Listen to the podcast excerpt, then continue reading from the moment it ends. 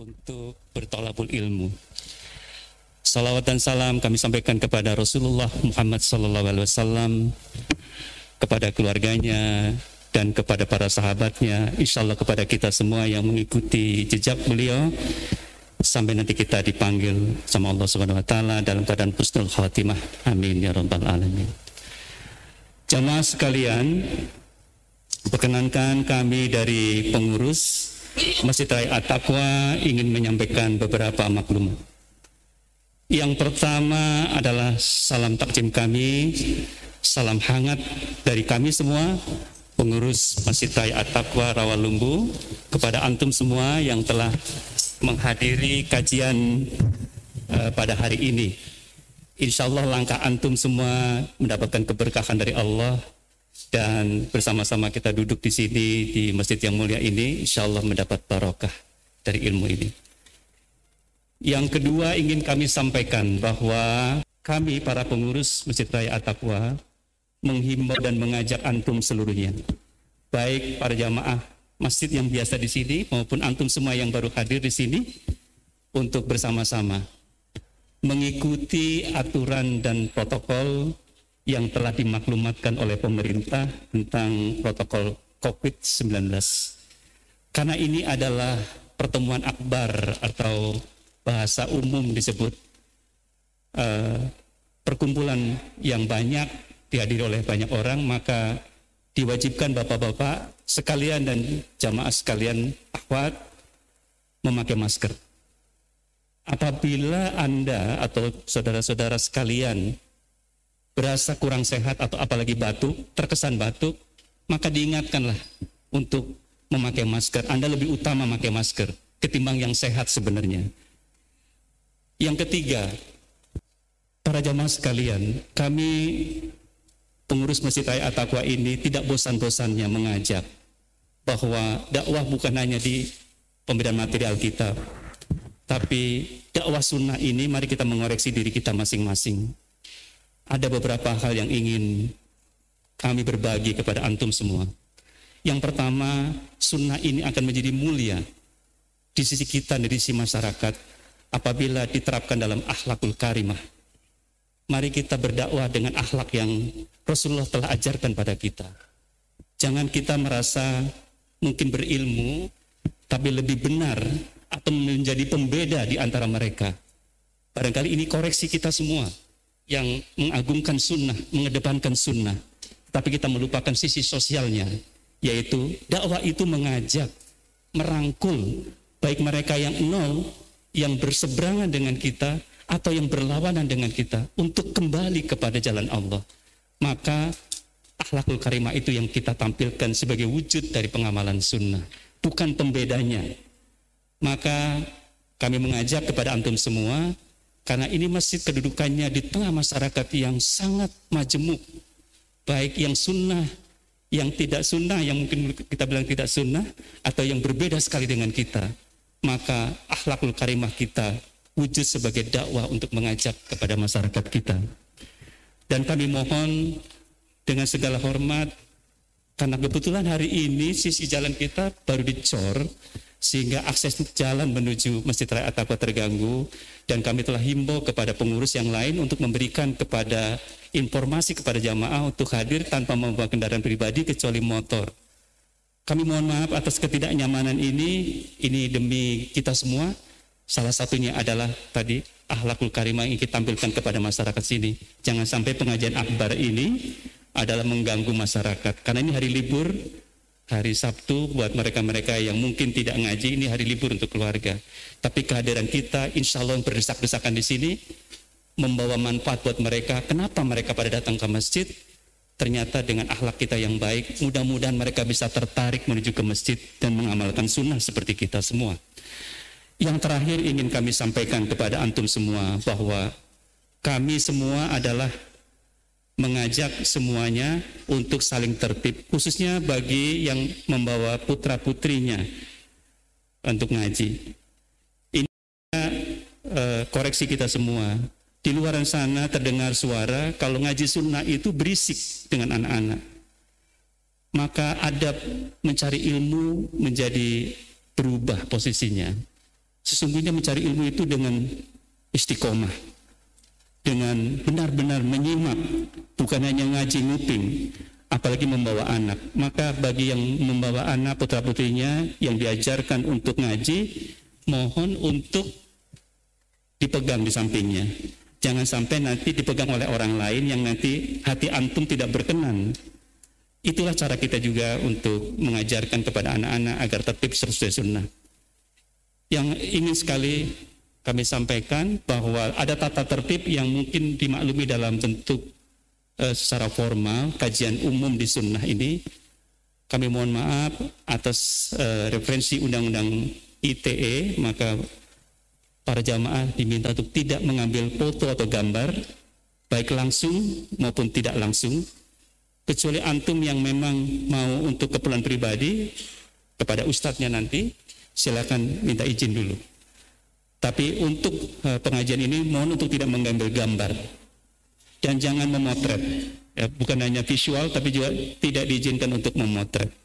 Karena saya kami semua tidak ingin ada semacam kegaduhan lagi ya, seperti yang lewat-lewat ternyata tidak berkenan dan itu menyalahi aturan. Mohon ini dipatuhi para jamaah sekalian dan silakan handphonenya di silent agar nanti kalau ada panggilan dari luar tidak terganggu ngajinya kan kami mohon jamaah untuk maju ke depan, memberikan jarak yang seimbang lah, ya agar anda juga rileks.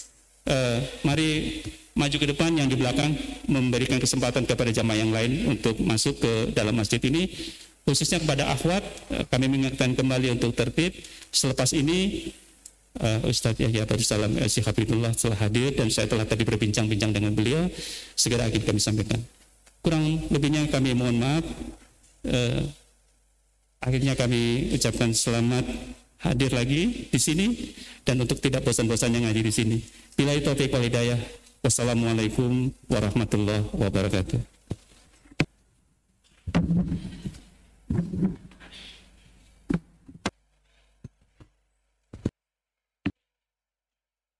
Tes, tes, tes.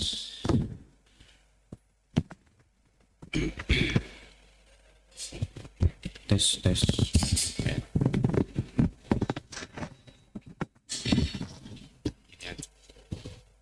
Tes tes tes tes. Tes tes tes. Assalamualaikum warahmatullahi wabarakatuh. Innal hamdalillah nahmaduhu wa nasta'inuhu wa nastaghfiruh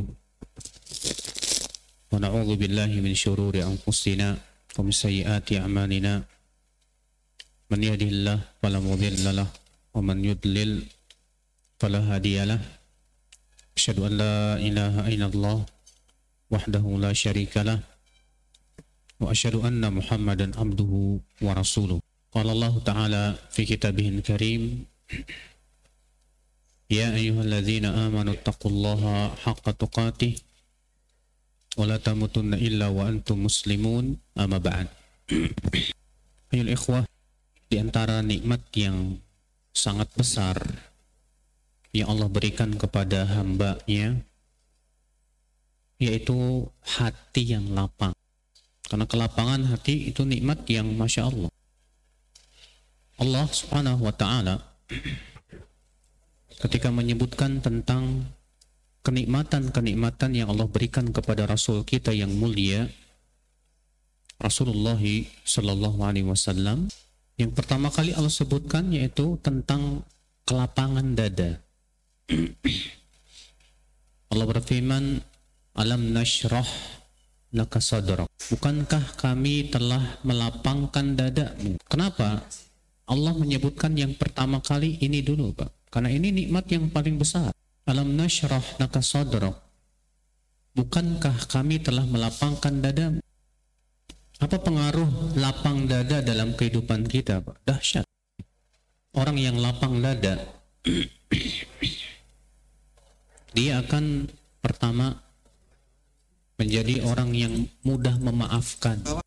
Orang yang lapang dada itu mudah memaafkan. Sementara orang yang sempit dadanya Susah dia maafin orang tuh. Sementara sifat maaf itu sifat yang sangat mulia. Kata Rasulullah SAW, "Wa ma zadallahu 'abdan bi'affin illa izzan." Dan tidaklah Allah tambahkan kepada seorang hamba dengan sifat maaf kecuali dengan Allah tambahkan kemuliaan untuk dia. Orang yang pemaaf, Allah maafkan dia.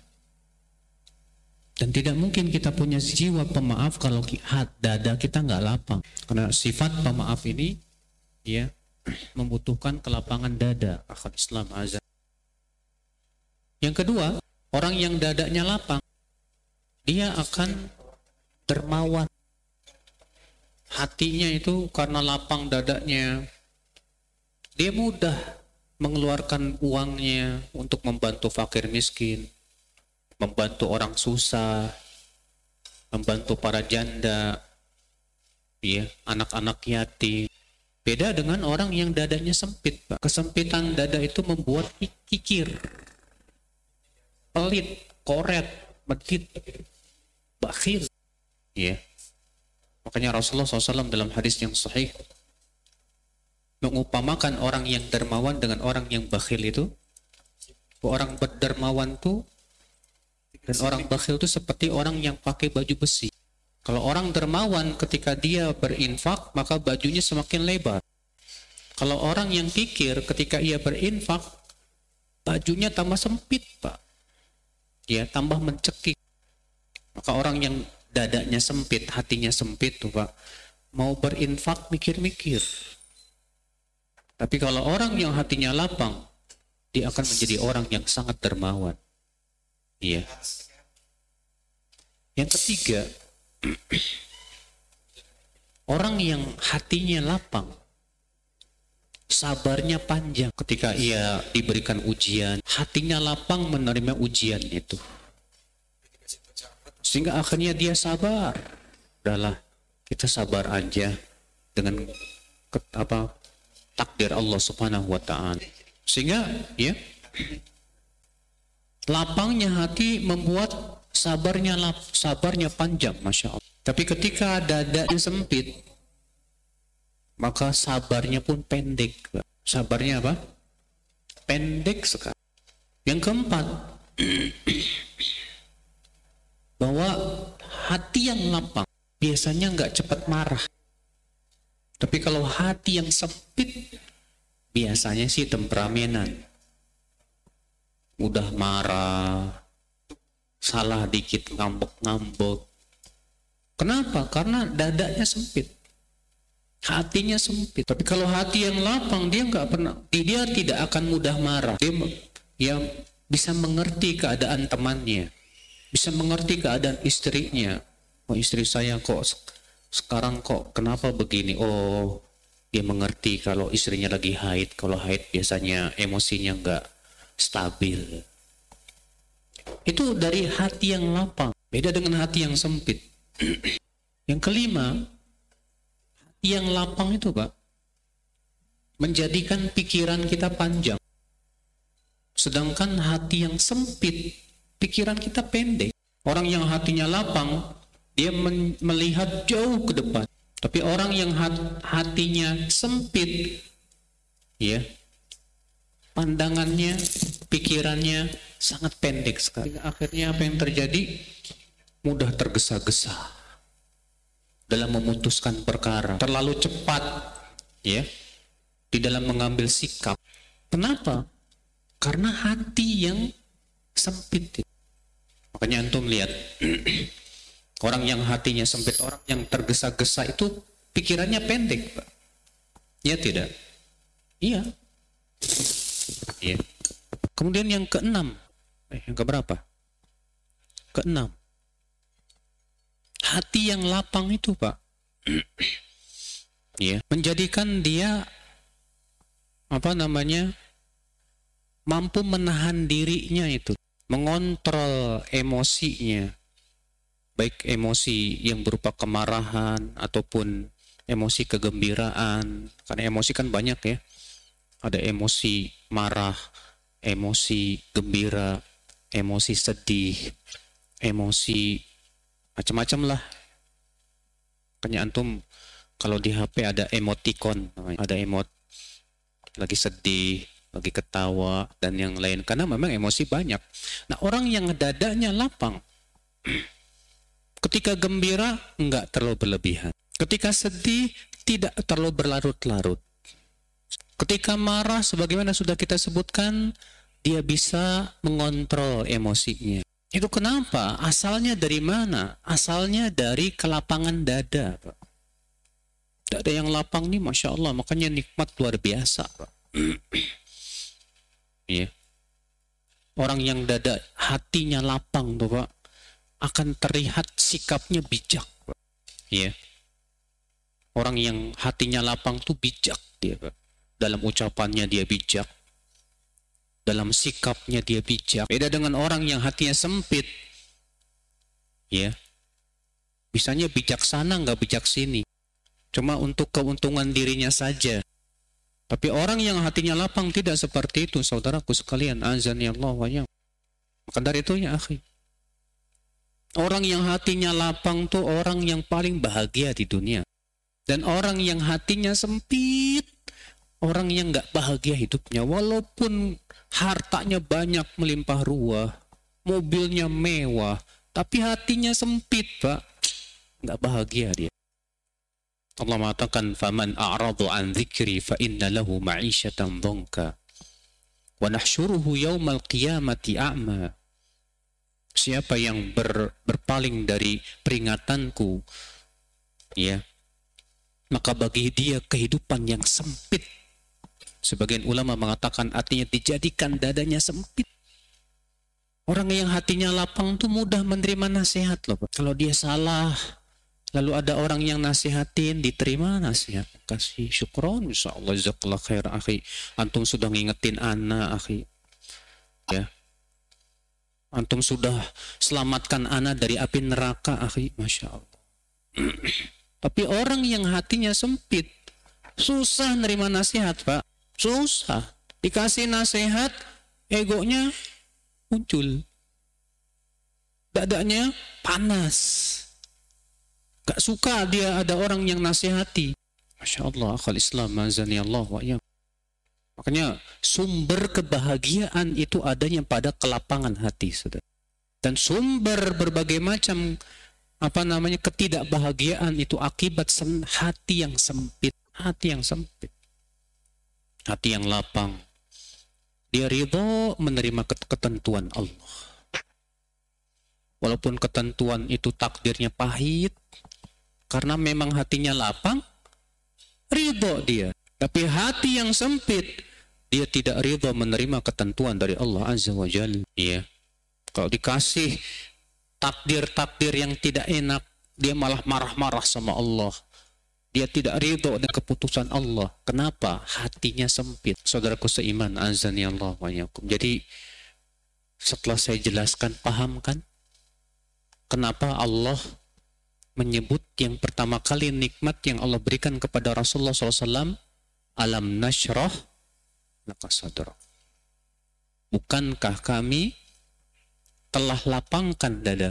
Karena ternyata, Masya Allah Pak, kelapangan dada atau lapang hati itu dahsyat, Pak. Ya, itu sumber ketentraman dalam hidup. Ya. Sekarang apa hal-hal yang menyebabkan hati kita lapang? Ini di sini waktunya beda sendiri ya, jam 3. Waktu Rawalumbu kayaknya nih. Ini DKM-nya kurang perhatian ini. Ini penting Pak di sini Pak. Jadi Ustadz bisa memperkirakan atau sengaja dimatiin biar Ustadz panjang-panjangan gitu. yang pertama, yang merupakan sebab hati yang lapang. Saya sebutkan, saya bawakan itu dari kitab Zadul Ma'ad yang ditulis oleh Imam Ibnu Qayyim rahimahullah.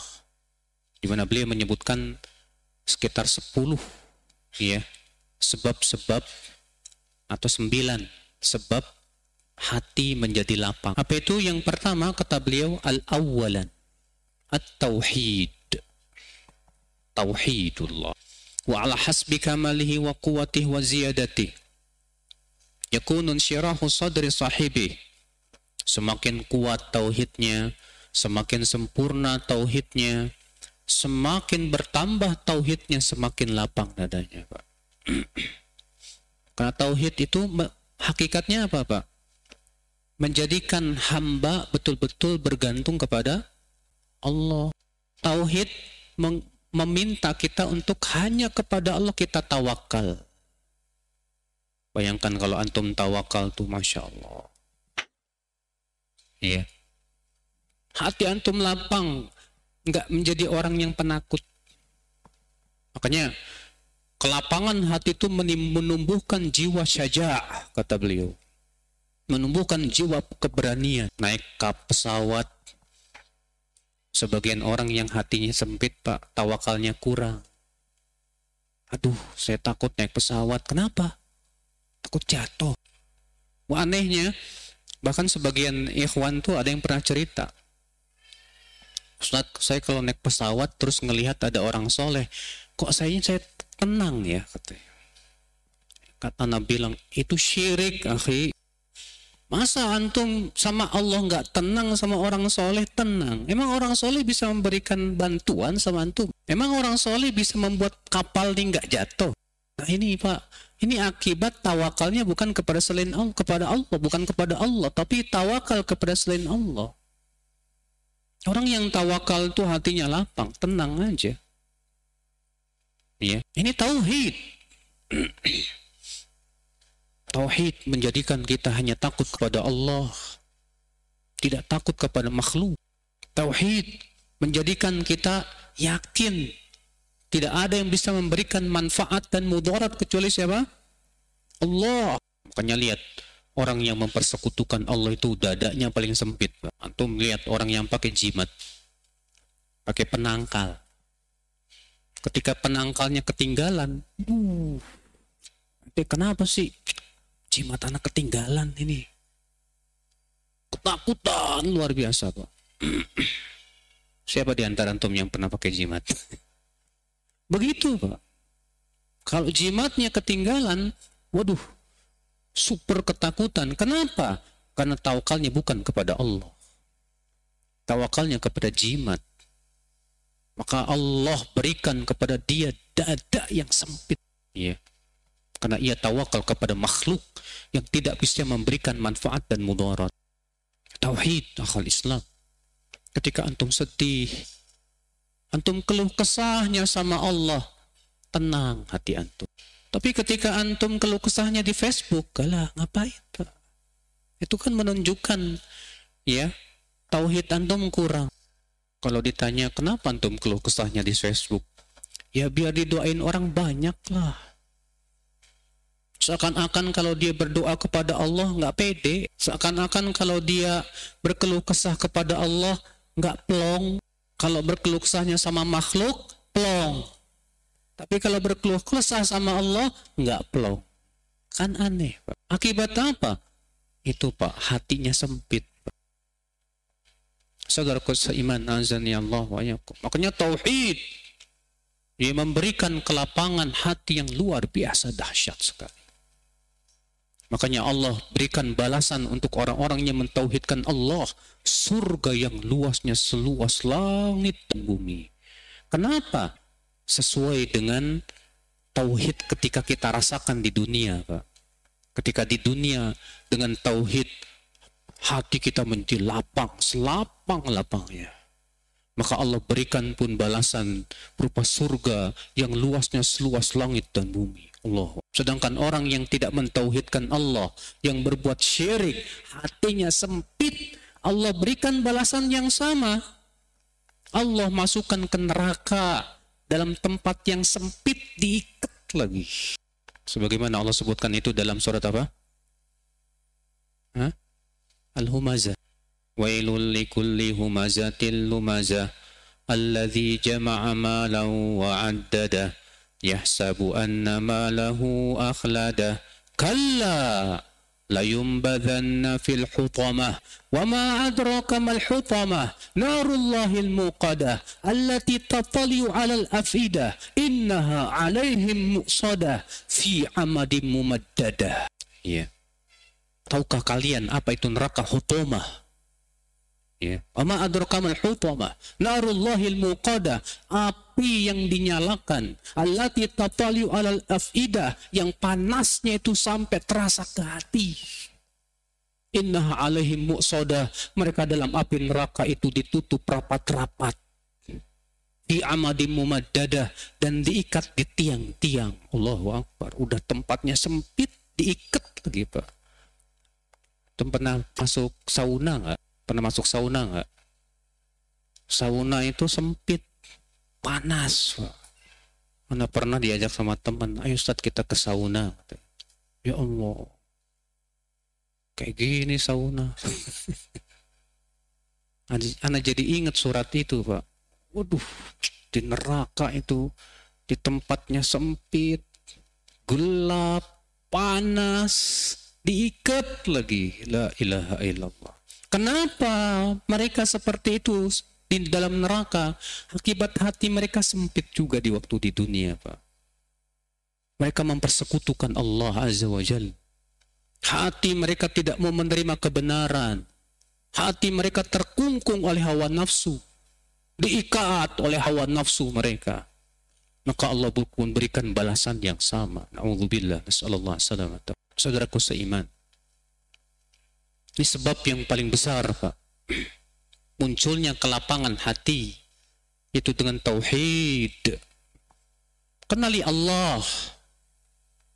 Jadikan Allah satu-satunya zat yang kita bertawakal kepadanya, yang kita gantungkan pengharapan kita kepada Allah. Jadikan Allah subhanahu wa ta'ala satu-satunya tempat meminta, tempat bertawakal. Jadikan Allah satu-satunya dalam hidup kita, Pak. Allahu ahad. Ya kul huwallahu ahad. Katakan Allah satu-satunya. Satu-satunya apa? Satu-satunya tempat meminta. Satu-satunya tempat bertawakal. Satu-satunya tempat berkeluh kesah. Satu-satunya yang paling kita cintai. Satu-satunya yang paling kita takuti. Satu-satunya yang kita harapkan. Kul huwallahu ahad. Ahad. Jadikan Allah sebagai satu-satunya apa? Ya, tempat yang kita yang, yang kita ibadahi ya akhadis. Kalau antum subhanallah tauhidnya luar biasa, hati antum tuh masya Allah luas. Iya, luas. Ini sebab yang pertama. Sebab yang kedua, kata kata Ibnu Qayyim An-nur alladhi yakzifuhu Allah fi qalbil abdi wa huwa nurul iman yaitu cahaya iman yang Allah berikan kepada seorang hamba. Fa innahu yashrahu yashrahu sadr wa yuwassi'u wa yufrihul qalb. Ya karena cahaya iman itu melapangkan dada, meluaskan hati, membuat hati gembira. Faiza faqada hadzan nur min qalbil abdi dhaqa wa haraj. Kalau hamba kehilangan keimanan, cahaya iman, maka hati itu akan menjadi apa? Sempit. Ya. Fasara fi adyaqi sijnin wa as'abi. Sehingga ia berada dalam penjara yang paling sempit di dunia ini. Makanya, akhi, ya, Ibnu Taimiyah beliau kan berapa kali di penjara Pak? Ibnu Taimiyah berapa kali apa? Di penjara. Apa karena beliau salah? Enggak. Beliau dituduh. Orang-orang yang tidak suka terhadap beliau. Dituduh dan tuduhan itu tidak benar. Tapi apa kata Ibnu Qayyim kata Ibnu Taimiyah rahimahullah ketika ditanya tentang di penjara kata beliau surgaku di hatiku. Ya. Surga itu di mana? Di hati. Justru penjara ini tempat bagiku yang paling ya beliau nikmati. Di penjara beliau malah semakin dekat kepada Allah, semakin memahami ayat-ayatnya.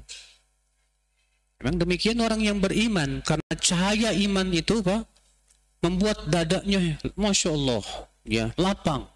Hatinya masya Allah. Lapang. Makanya akal Islam Berbeda dengan orang-orang yang tidak beriman, yang Allah cabut padanya cahaya keimanan. Allah berfirman dalam surat Al-An'am ayat 122. Awaman kana maitan fa ahyaynah wa ja'alna lahu nuran yamshi bihi fin nas.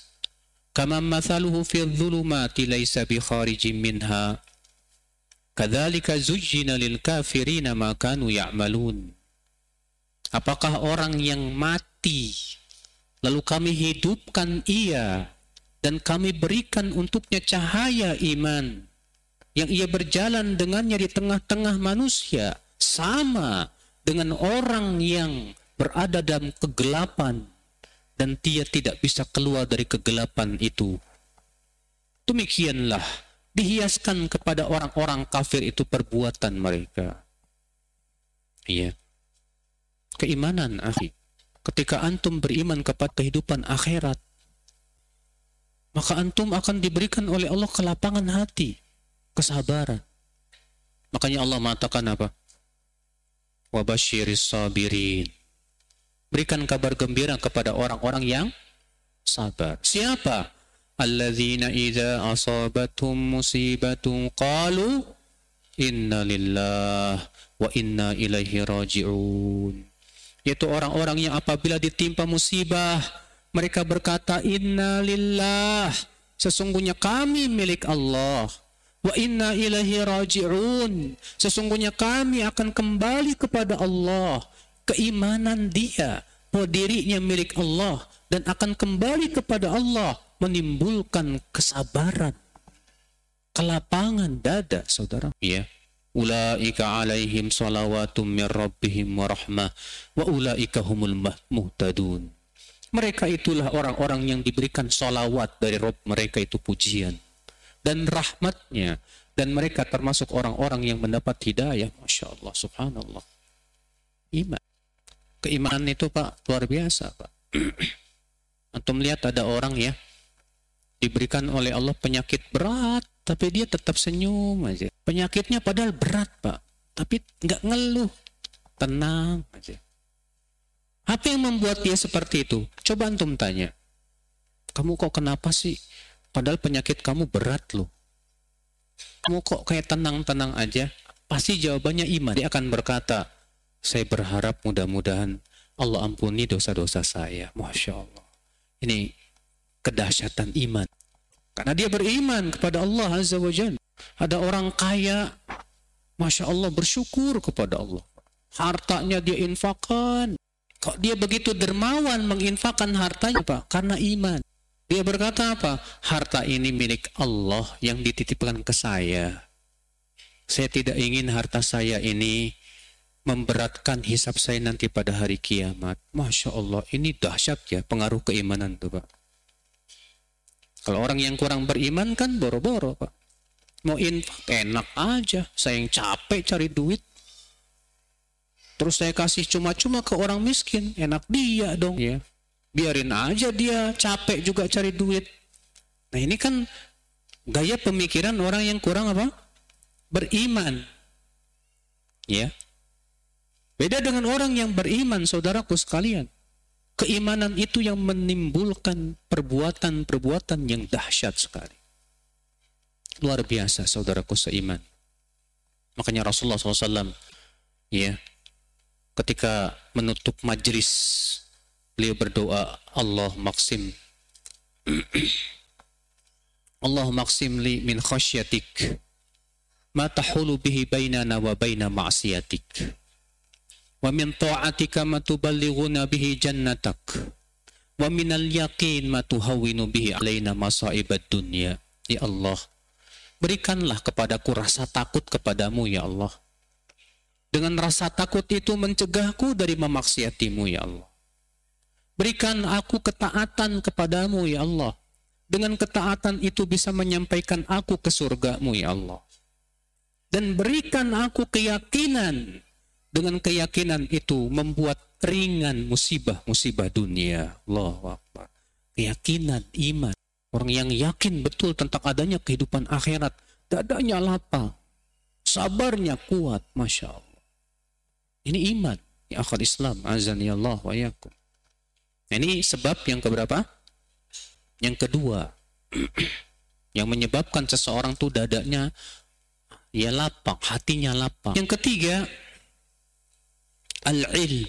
Il. Ilmu yang dimaksud di sini tentu ilmu yang berasal dari Allah dan Rasul. Ya. Yashrahu sadr wa yuwassi'uhu hatta yakuna awsa' min ad-dunya. Karena ilmu itu melapangkan dada, bahkan meluaskan dada sehingga dada kita lebih luas dari dunia. Wal jahlu yurithuhu dhiq wal hasr wal hadas.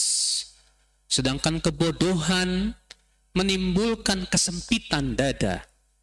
Dan orang yang bodoh itu Pak, terpenjara dia dengan kebodohannya itu. Fakulama tasa ilmul abdi insyaraha sadrahu wa tasa. Setiap kali ilmu seorang hamba menjadi luas, maka dadanya semakin lapang. Walaysa hadha likulli ilmin.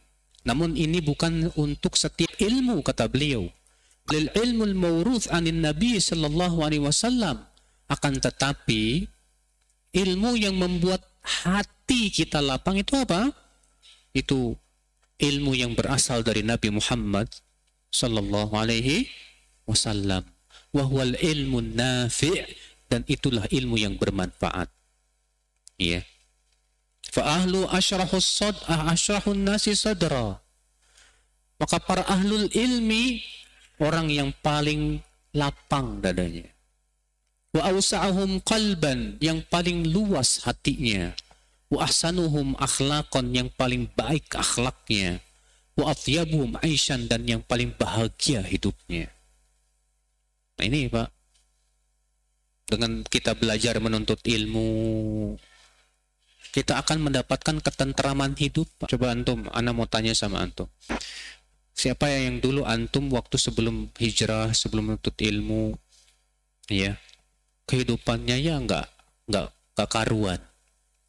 Coba antum bedakan dengan masa dulu antum dengan sekarang antum setelah hijrah dan menuntut ilmu. Beda nggak pasti antum akan mendapatkan beda yang sangat jauh sekali antara langit dan bumi iya. Saya pernah bicara sama pemilik sebuah hotel di Jakarta. Dia anak buahnya ber, ngomong Ustadz dulu bapak pemilik hotel ini sebelum ngaji Ustadz wah orangnya temperamenan banget pemarah banget salah dikit. Marah marah marah marah. Sekarang setelah ngaji berubah 180 derajat Ustadz sekarang baik orangnya. Masya Allah, lihat Pak, pengaruh ilmu. Ya. Setelah dia dapat hidayah, dia menuntut ilmu, dia banyak mengetahui ilmu dari Allah dan Rasulnya, berubah 100 derajat, 180 derajat sifatnya itu. Yang tadinya temperamenan, jadi orangnya sabar. Masya Allah. Itulah pengaruh ilmu Pak. Makanya jangan pernah kita berhenti dari menuntut ilmu Allah. Karena ilmu itu makanan hati, akhi. Kalau badan kita makanannya kejo. Tahu nggak kejo? Nasi, tempe. Il hati kita makanannya ilmu. Lah kalau misalnya antum hatinya nggak pernah dikasih makanan, kurus. Rasulullah SAW mengumpamakan ilmu bagaikan air hujan.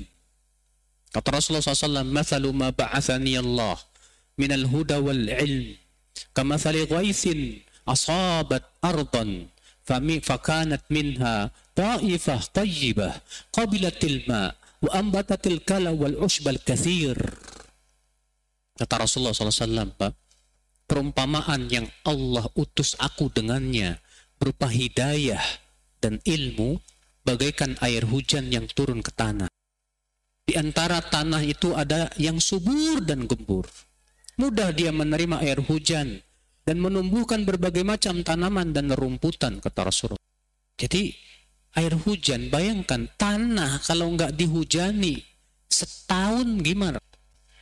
Pernah nggak di sini musim kemarau yang panjang, Pak? Kalau udah musim kemarau yang panjang tuh antum melihat pepohonan sudah mulai mau mati. Air susah. Kita juga kebingungan. Mau cari air di mana. Masya Allah. Lalu Allah turunkan air hujan semua pun kita gembira. Oh Masya Allah. Nah, ilmu itu seperti air hujan kata Rasulullah. Hati kita kalau tidak menuntut ilmu, keadaannya seperti tanah yang lama tidak dihujani, kering, kerontang. Lama-lama mati. Maka sangat kita sangat membutuhkan ilmu Allah. Alhamdulillah Allah sudah mengutus kepada kita Rasulullah sallallahu alaihi wasallam. Beliau mengajarkan umatnya tentang kitab-kitab suci, kitab suci Al-Qur'an, ayat-ayat Allah yang agung. Beliau pun menjelaskan kepada kita dengan sejelas-jelasnya dan telah sampai kepada kita Al-Quran, telah sampai kepada kita hadis-hadis Rasulullah sallallahu alaihi wasallam. Ini semua untuk kehidupan hati kita, Pak. Wallah. Jangan kita anggap Al-Quran dan hadis sebagai beban untuk kehidupan kita, Pak. Jangan. Allah mengumpamakan orang-orang ahli kitab seperti itu. Masalul ladzina hummilut tawrata thumma lam yahmiluha kamathalil himari yahmilu asfara perumpamaan orang-orang yang diberikan kepada mereka Taurat kemudian mereka tidak membawa Taurat dengan benar. Artinya tidak mau mempelajarinya tidak mentadaburinya. Apa kata Allah? Bagaikan keledai yang membawa kitab-kitab besar. Antum tahu keledai? Keledai itu tidak tahu yang dibawa di punggungnya apa, Pak. Bagi keledai, ini memberatkan saya. Nah, antum kalau menganggap Al-Quran itu beban, maaf, berarti kita masih seperti apa?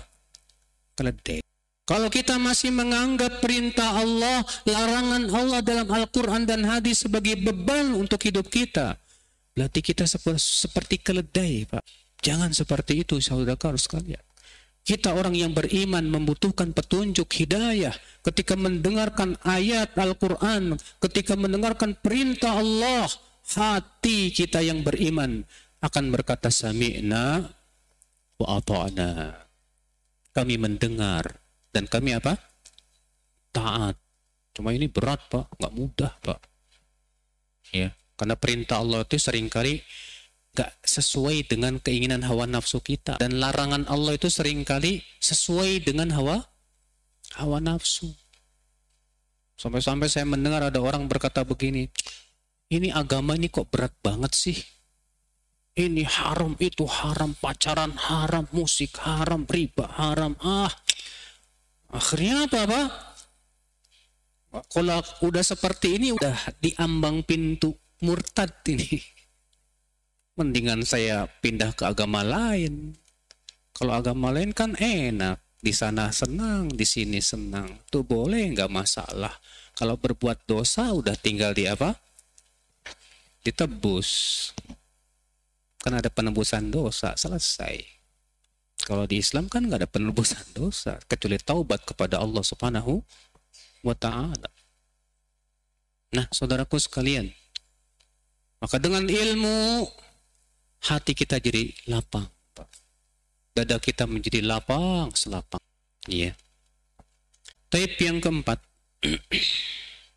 yang merupakan sebab insyarahus sadar yaitu al-inabatu ilallah wa mahabbatuhu bikullil qalbi wal iqbal alaih wa tana'um bi ibadatih yaitu senantiasa kembali kepada Allah dan mencintai Allah dengan sepenuh hati dan selalu berusaha untuk taubat kepada Allah dan merasakan kenikmatan saat beribadah kepada Allah. Akal Islam. Orang yang selalu kembali kepada Allah, Pak. Orang yang mencintai Allah dari di, di atas segala-galanya, itu menjadi orang yang paling lapang dadanya, Pak. Bagaimana tidak? Cinta kepada Allah menyebut menyebabkan ia akan mencintai segala sesuatu yang diridhai oleh Allah dan dicintai oleh Allah. Maka ketika dia hatinya dipenuhi dengan cinta kepada Allah, dan di saat itulah dia akan menjadi orang yang sangat tunduk dan patuh kepada Allah Subhanahu wa taala. Semangatnya dalam ibadahnya luar biasa. Nah, saudaraku sekalian, kata beliau, demikian pula merasakan kenikmatan ibadah. Fala syai'a asyrah li sadril abdi min dhalik. Tidak ada sesuatu yang lebih melatak, melapangkan dada seorang hamba dari ini. Sebagaimana firman Allah dalam surat An-Nahl ayat 97. Allah berfirman, "Man 'amila salihan min dzakarin aw untha wa huwa mu'min falanuhyiyannahu hayatan thayyibah wa lanajziyannahum ajrahum bi ahsani ma kanu ya'malun." Siapa yang beramal saleh, baik dia laki-laki maupun perempuan, maka kami akan hidupkan ia di dunia ini dengan kehidupan yang baik. Dan di akhirat, kami akan berikan pahala dengan yang lebih baik dari amalan mereka. Masya Allah. Coba dengarkan ayat ini Pak, baik-baik. Allah mengatakan apa? Siapa yang beramal soleh, maka kami akan apa balasannya di dunia? Kami akan hidupkan ia dalam keadaan baik. Apa pahalanya di akhirat? Allah berikan pahala lebih baik dari apa yang mereka amalkan, Pak. Ini janji Allah, Pak.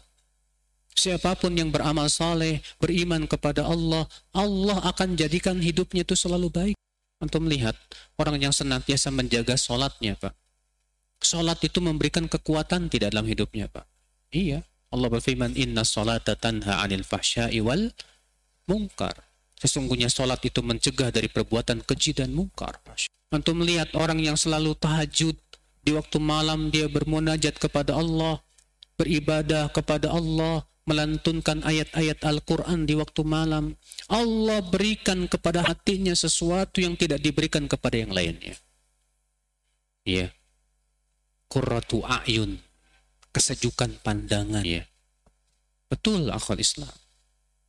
Orang yang beramal soleh dan beriman tuh Masya Allah ya akal Islam. Dadanya lapang, hatinya lapang. Makanya kita penting saudaraku sekalian ya. Untuk senantiasa beriman dan beramal saleh. Jangan lewatkan hari-hari kita tanpa amal soleh. Baca Al-Quran tiap hari, dengan kita membaca Al-Quran, di situlah hati kita terus akan menjadi apa? Bercahaya, bercahaya, bercahaya. Nurun ala nur. Cahaya di atas cahaya. Kata sebagian ulama artinya cahaya Al-Quran di atas cahaya i, iman. Hati orang yang beriman bercahaya. Ditambah lagi dengan Al-Quran. Tambah lagi cahayanya. Cahaya di atas cahaya. Saudaraku sekalian, azan ya Allah wa Sebaliknya kata beliau, wa min a'zami asbabi dhikr sadr al-i'rad 'anillah wa ta'alluqil qalbi bi ghairihi wal ghaflati an dhikrih wa mahabbati siwa. Dan sebab sempitnya dada yang paling besar itu berpaling dari Allah dan bergantung hati kita kepada selain Allah lalai dari mengingat Allah dan mencintai selain Allah. Ini sebab terbesar dada kita jadi apa? Sempit. Ya. Ketika apa? Yang pertama kata beliau berpaling dari Allah. Orang yang berpaling dari Allah dadanya sempit, Pak. Ya. Hatinya bergantung kepada selain Allah, dadanya sempit. Kemudian juga akal Islam azani Allah wa yakum ya sudah begitu dia lalai tidak mau dia mengingat Allah sementara kan sumber ketentraman hati itu ada pada zikir Allah berfirman ala bidzikrillahi tatmainnul qulub. Memang Allah sudah fitrahkan manusia Pak. Allah sudah fitrahkan manusia bahwa ketenangan hati itu dengan mengingat penciptanya. Itu memang sudah fitrah manusia. Iya. Tapi kalau antum sibuk mikirin fulan, alan, anu, Kira-kira hati antum tenang nggak Pak? Tenang. Iya. Ketika antum ngingat si fulan dengan kesalahan-kesalahannya, uh, hati antum panas saja, kesel terus. Ya tidak, Pak? Iya. Makanya kata kata para ulama, zikrullahi dawaun wa nasi daun.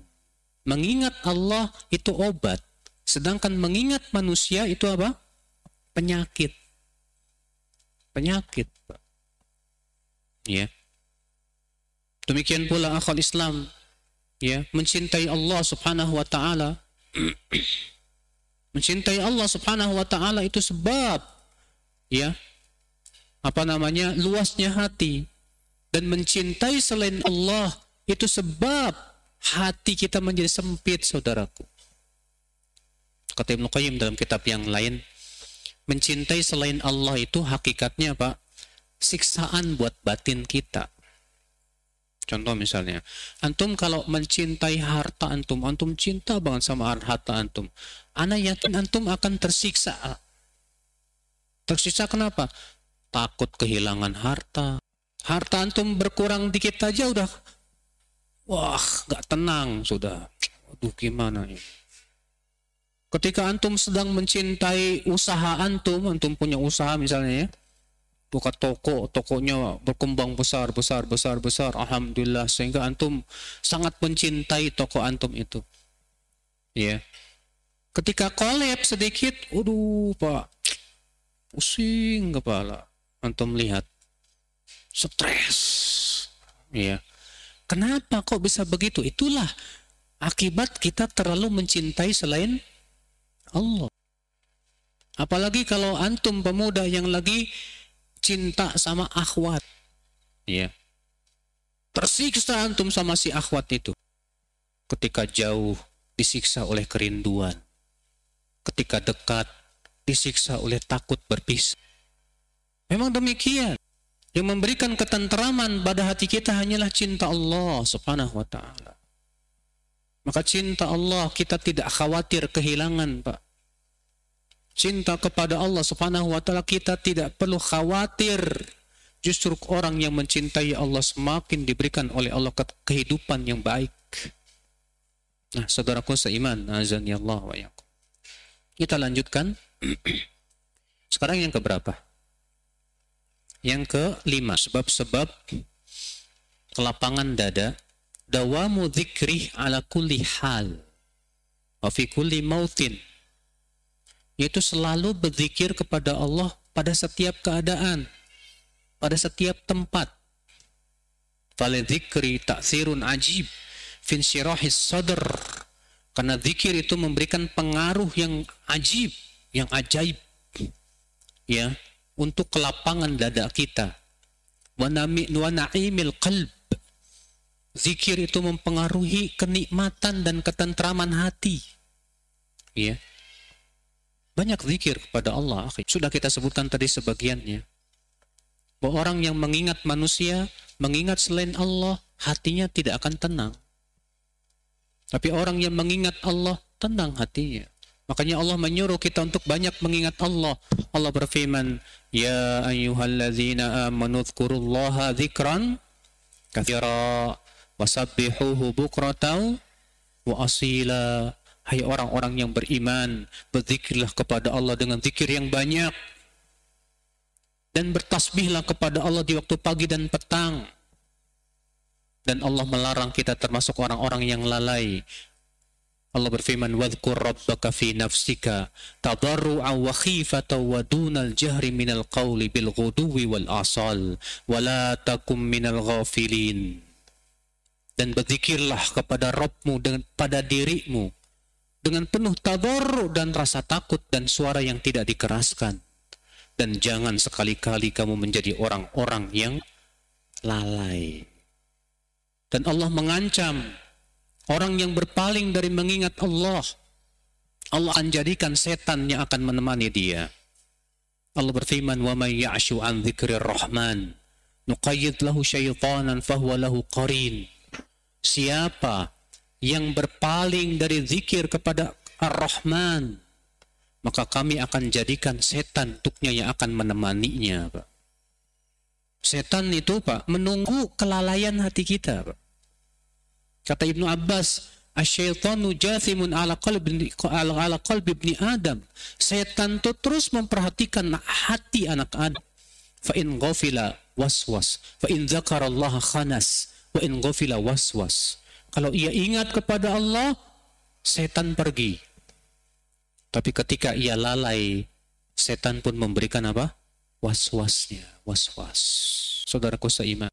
Allah memuji para malaikat di antaranya karena mereka senantiasa bertasbih dan memuji Allah. Allah berfirman tentang para malaikat, yusabbihuna al-laila wan nahara la yafturun. Mereka bertasbih siang malam tak pernah ada lelah-lelahnya. Ternyata malaikat itu Pak dipuji oleh Allah karena tak pernah lepas dari zikir. Maka kita manusia pun Pak orang yang senantiasa berzikir kepada Allah maka dia orang yang paling dekat kepada Allah.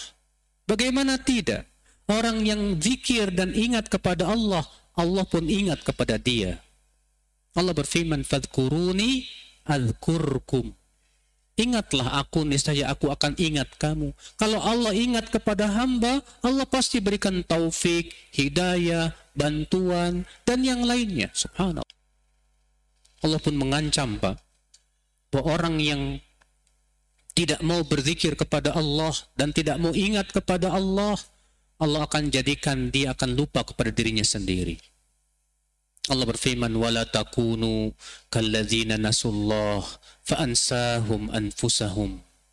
Jangan kalian seperti orang-orang yang lupa kepada Allah, lalu Allah jadikan mereka lupa kepada dirinya sendiri. Apa maksudnya melupakan diri sendiri? Artinya kata para ulama, lupa kepada maslahat diri kita. Makanya orang yang berpaling berzikir kepada Allah, dia akan mengingat selain Allah, sementara mengingat selain Allah itu bahaya untuk hatinya saudara. Nah saudara ku seiman azan ya Allah wa yakum ya banyak berzikir pak. Ya orang yang banyak berzikir itu pahalanya luar biasa pak. Allah mengatakan apa?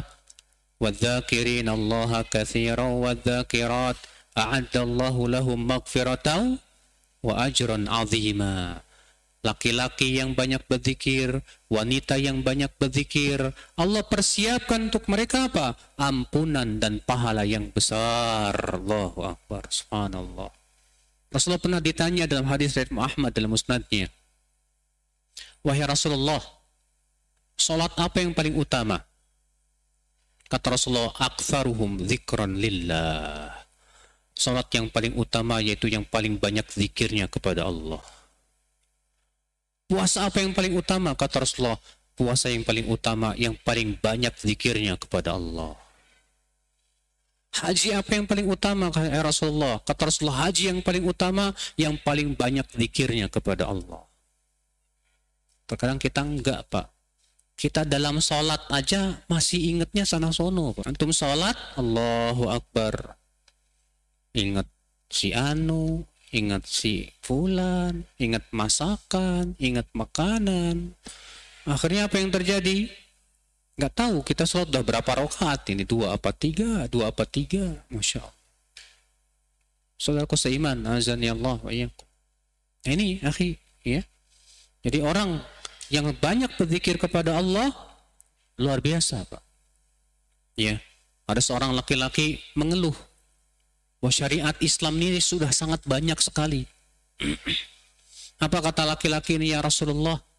Inna syara'i al-Islam qad kathurat. Hai Rasulullah syariat Islam ini sudah terlalu banyak hai Rasulullah. Famurni bi amrin atashabbathu bih. Tolonglah berikan aku satu saja perintah yang aku bisa pegang kuat-kuat perintah itu ya Rasulullah. Apa kata Rasulullah SAW? La yazalu lisanuka rabban min zikrillah. Itu senantiasa lisanmu basah dengan zikir kepada Allah. Kenapa? Karena dengan banyak zikir itulah kata para ulama membuat kita mampu melaksanakan syariat Islam yang banyak itu. Ya.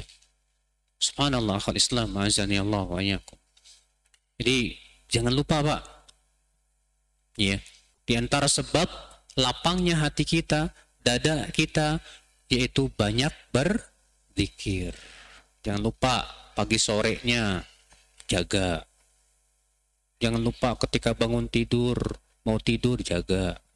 Mau makan, setelah makan, mau pakaian, mau kita naik kendaraan, bahkan ketika saat berkendaraan, banyak zikir kepada Allah.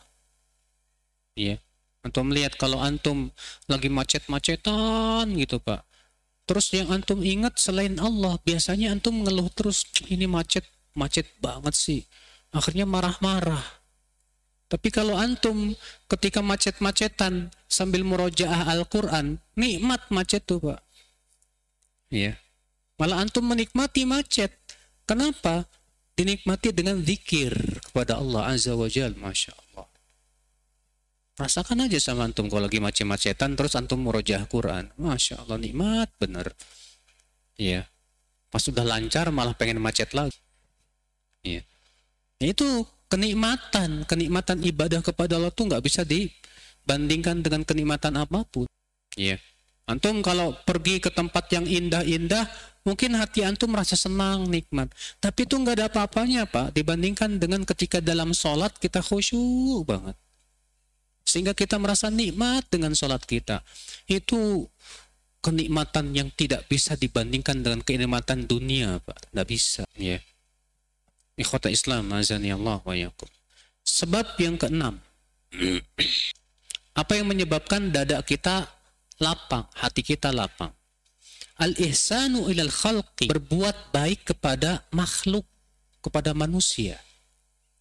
Wa naf'uhum bima yumkinuhum minal mal wal jah wa naf'i bil badan wa anwa'il ihsan dan memberi manfaat kepada mereka dengan sesuatu yang dia mampu lakukan berupa harta, kedudukan, badan, dan berbagai macam kebaikan-kebaikan, Pak.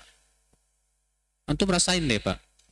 Ketika antum habis bantu orang susah, antum gembira banget hati antum. Pernah nggak merasakan itu? Hati antum Masya Allah, asalnya luar biasa. Itu kenikmatan ini Pak, nggak kita dapatkan pada tempat yang lain Pak. Iya. Ketika antum bisa memberikan manfaat kepada orang lain, di situlah kelapangan dada Allah berikan kepada mereka. Makanya Rasulullah SAW sabda apa? As-sadaqatu burhan. Sedekah itu burhan. Ya. Bukti akan keimanan dia. Rasulullah SAW ditanya dalam sebuah hadis yang dihasankan oleh Syekh Albani, siapa manusia yang paling dicintai oleh Allah? Kata Rasulullah, anfa'uhum linnas. Yang paling bermanfaat untuk manu manusia. Maka jadilah kita orang yang yang kita pikirkan bagaimana saya berbuat baik sama orang, Pak. Bagaimana saya bisa bantu orang, Pak. Jangan bagaimana orang bisa bantu saya. Kalau kita pikirannya seperti itu, bagaimana orang bantu saya, kita hati kita tidak akan lapang. Makanya marah-marah terus. Si Anu kok orang kayak nggak mau bantu saya, dasar pelit. Iya. Tapi kalau yang kita pikirkan, gimana saya bisa bantu orang? Tetangga saya susah. Waduh, apa yang saya bisa bantu buat dia? Wallahi antum termasuk orang yang diberikan oleh Allah keluasan dada, keluar kelapangan hati yang luar biasa, masya Allah. Ikhwatal Islam, azan ya Allah wa ya. Nah ini ya, berbuat baik. Dan Rasulullah SAW menyebutkan pahala orang yang berbuat baik. Masya Allah Pak. Kata Rasulullah apa? Asai alal armalah wa du'afa kal mujahid fi sabilillah wa qasaim alladhi la yuftir alladhi la yaftur.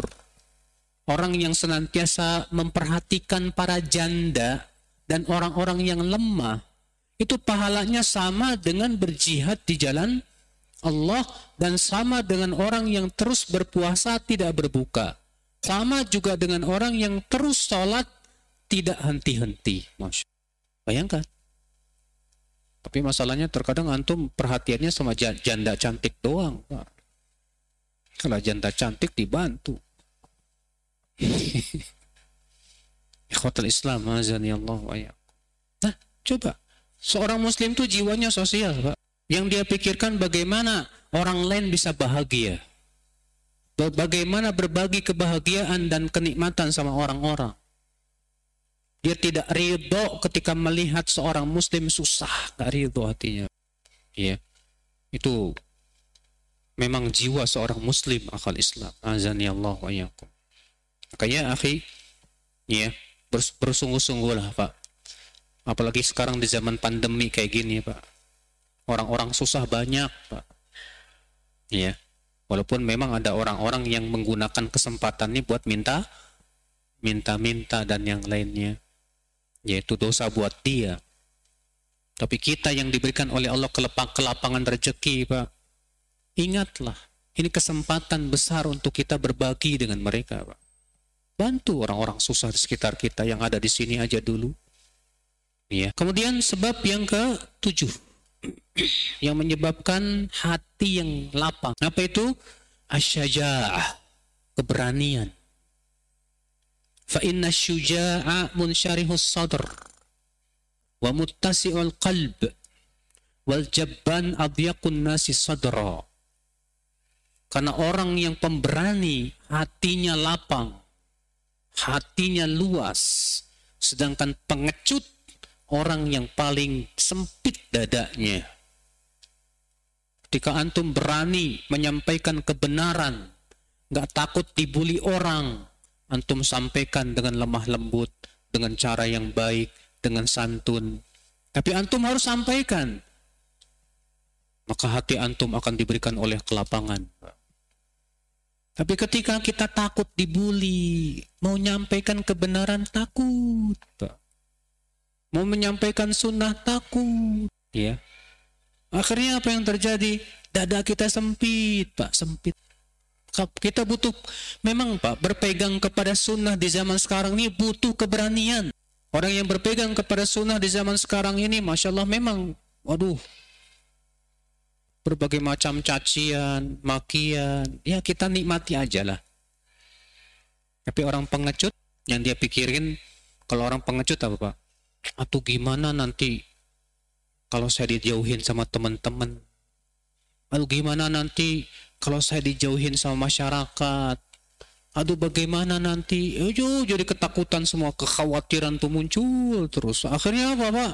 Takut mau pelihara jenggot, takut disebut teroris. Mau pakai celana ngatung, takut disebut banjir. Ya. Jadi mau mengamalkan sunnah, karena sifat pengecut nggak berani ini pak, akhirnya dia terhalang dari kebaikan yang banyak pak. Kenapa? Takut. Takut. Antum aja kalau usaha, pas mau usaha tahu belum apa-apa udah takut bangkrut. Anak yakin antum nggak bisa usaha. Makanya orang yang peng, seorang pengusaha butuh sifat keberanian, Pak. Dan tawakal yang sangat kuat kepada siapa? Kepada Allah. Tapi kalau pengecut belum apa-apa udah takut bangkrut, gak bakalan bisa jadi pengusaha orang seperti ini.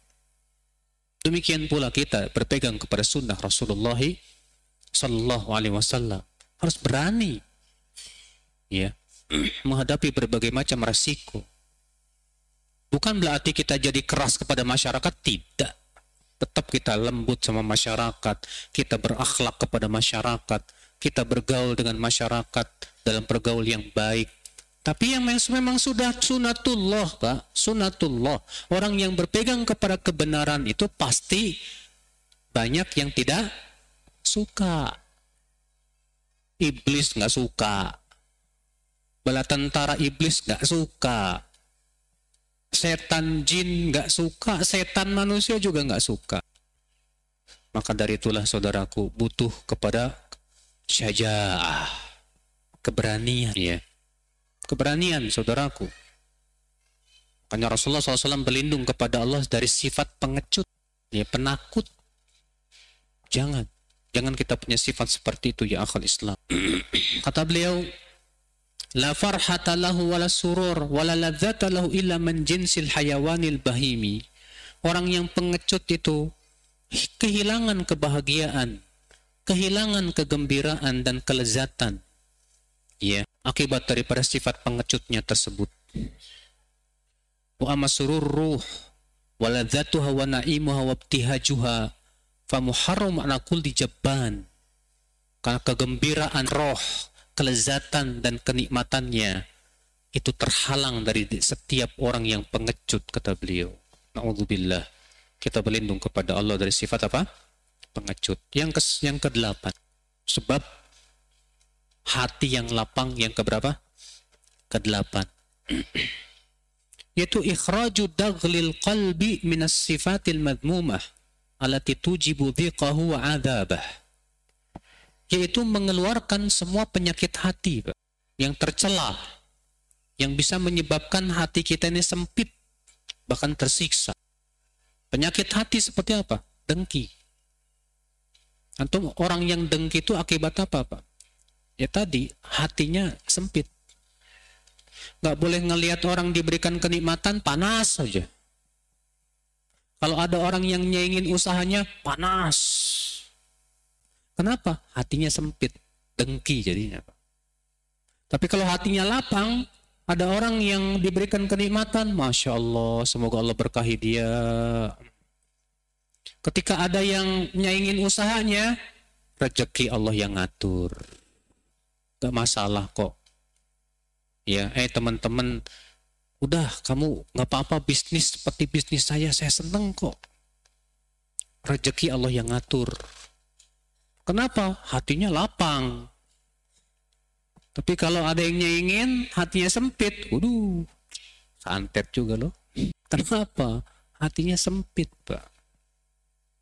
Iya, itu penyakit hati nih, Pak. Dengki. Di antaranya penyakit hati apa, Pak? Banyak sekali ya. Iya. Sub, ujub dan sombong. Orang yang ujub dan sombong itu, Pak, hatinya sempit, Pak.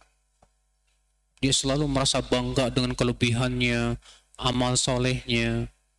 Bangga dia dan antum lihat orang yang ujub dan sombong itu ketika ada yang mengejeknya atau ada yang merendahkannya wow marah-marahnya luar biasa pak. Kurang ngajar dia itu. Gak tahu saya siapa ini. Saya kan wali ke sepuluh. Mengaku dirinya punya kelebihan dan yang lainnya. Hatinya paling apa? Sempit saudara. Tapi orang yang tawadu Orang yang paling hatinya lapang, Masya Allah. Lihat para ulama salaf. Iya. Dahulu Yahya bin Ma'in ada yang memarahi beliau dan berkata, kamu bodoh, jahil kamu. Maka Yahya bin Ma'in berkata, iya, memang saya jahil yang saya tidak tahu lebih banyak daripada yang saya tidak tahu. Yang saya tahu. Gak marah, Pak. Ya. Kalau kita enggak disebut, eh kamu bodoh. Kurang ngajar kamu.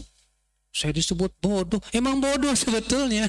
Manusia itu lebih banyak tidak tahunya daripada apa? Tahunya. Cuma masalahnya kita kena ujub dan sombong. Ya. Saudaraku seiman, nazani Allah wa yakum. Nah ini, ya. Keluarkan penyakit-penyakit hati itu. Jadilah orang yang tawadu kepada manusia, yang tidak pernah merasa dirinya lebih baik daripada orang lain. Ketika melihat mukmin yang lain, dia merasa dia lebih baik dari saya. Itu hatinya lapang, Pak, Masya Allah. Dia tidak mengharapkan kedudukan, nggak mengharapkan pujian, nggak dipuji orang, nggak pengaruh. Saya nggak mengharapkan pujian. Dicaci orang pun nggak pengaruh, saya nggak mengharapkan pak cacian. Saya hanya mengharapkan Allah saja. Itu Masya Allah orang yang hatinya lapang. Demikian saudaraku sekalian. Azan ya Allah wa ya. Ini ya. Yang keberapa itu? Yang kedelapan ya. itu mengeluarkan penyakit-penyakit apa? Hati. Dan penyakit hati ini banyak banget Pak. Siapa pun yang ingin selamat di akhirat Pak. Selamatkan hati kita segera Pak. Karena ingat keselamatan kita di akhirat tergantung keselamatan hati Pak. Allah berfirman dalam surat Asy-Syu'ara, "Yauma la yanfa'u malu wala banun illa man atallaha biqalbin salim." Ayat 88 89. Pada hari tidak bermanfaat harta dan anak-anak kecuali orang yang datang kepada Allah dengan membawa hati yang selamat. Berarti di akhirat keselamatan kita tergantung kepada keselamatan apa? Hati. Coba kita ini harus pinter Pak, menintrospeksi hati Pak. Jangan sampai kita pinternya bisa mengoreksi kesalahan orang. Tapi mengoreksi kesalahan diri nggak bisa. Ini Allah musibah. Coba periksa. Di hati saya ini ada penyakit apa aja. Pahami baik-baik supaya kita apa selamat ya di dunia dan akhirat. Kemudian yang terakhir disampaikan oleh Ibnu Qayyim dalam kitab Zadul Ma'ad tarku fudulin nazar wal kalam wal istima' wal mukhalatah wal akal wal naum fa inna hadhihi al fudula tastahilu alaman wa gumuman wa humuman fil qalbi. Meninggalkan berlebih-lebihan dalam melihat berbicara mendengar bergaul makan dan minum. Karena berlebihan seperti ini hanya akan menimbulkan kegelisahan kegalauan dan kesakitan di hati. Ya. Berlebihan dalam melihat semua dilihat matanya nggak bisa ditahan ada akhwat cantik, wah. Ada barang mewah, wah. Semua dilihat. Yang tidak perlu dilihat, dilihat juga. Orang seperti ini, antum melihat hatinya pasti gelisah. Demikian pula, berbicara berlebihan dalam bicara. Ya, terlalu banyak cincong. TBC. Dan Rasulullah SAW tidak suka orang seperti ini, Pak. Kata Rasulullah SAW, Inna ab'adakum ilai minni majrisan yaumal qiyamah. Orang yang paling jauh tempatnya dariku pada hari kiamat. As-sartarun al-mutasyaddiqun al-mutafaihiqun. Orang yang paling jauh tempatnya dariku pada hari kiamat. Siapa? As-sarsarun. Yang terlalu banyak bicara. Al-mutasyaddiqun yang kalau ngomong itu difaseh-fasehin biar kelihatan hebat. Al-mutafaihikun yaitu orang yang sombong, ya. Banyak bicara, bicaranya difaseh-fasehin biar kelihatan hebat, berilmu dan yang lainnya. Sombong dia dengan itu. Ini kata Rasulullah orang yang paling jauh kedudukannya dari Rasulullah sallallahu alaihi wasallam. Makanya para ulama menyuruh kita apa? Ya, memperbanyak diam dan mempersedikit apa? bicara. Kecuali kalau memang sedik banyaknya bicara itu untuk menjelaskan kebaikan nggak masalah, ya. Demikian pula berlebihan dalam mendengar, semua didengar, kepo. Ada orang temennya lagi ngobrol berdua, eh ngobrol apa sih? Ya Allah, keponya. Ya. Ini nggak nggak bagus. Berlebihan dalam bergaul. Antum bergaul tiap hari gaul, tiap hari pergi ke rumah fulan, besok Alan, besok si Anu. Habis waktunya buat gaul aja Pak. Ini penyakit hati Pak, akan menimbulkan racun dalam hati. Ada waktunya kita bergaul, ada waktunya kita untuk takarub kepada Allah. Rasulullah SAW saja ya ketika menyebutkan bagaimana kita berkunjung kepada teman-teman kita apa kata Rasulullah? Zur gibban tazdad hubban. Kunjungilah sekali-kali saja. Niscaya akan bertambah rasa cintamu kepada dia. Nah ini saudaraku. Demikian pula berlebihan makan dan minum ya kata Aisyah ma ahdatsat hadhil ummah ba'da wafati nabiha syarran minasyaba. Tidaklah umat ini mengada-ngada sesuatu setelah Rasulullah wafat yang lebih buruk dari kenyang terus.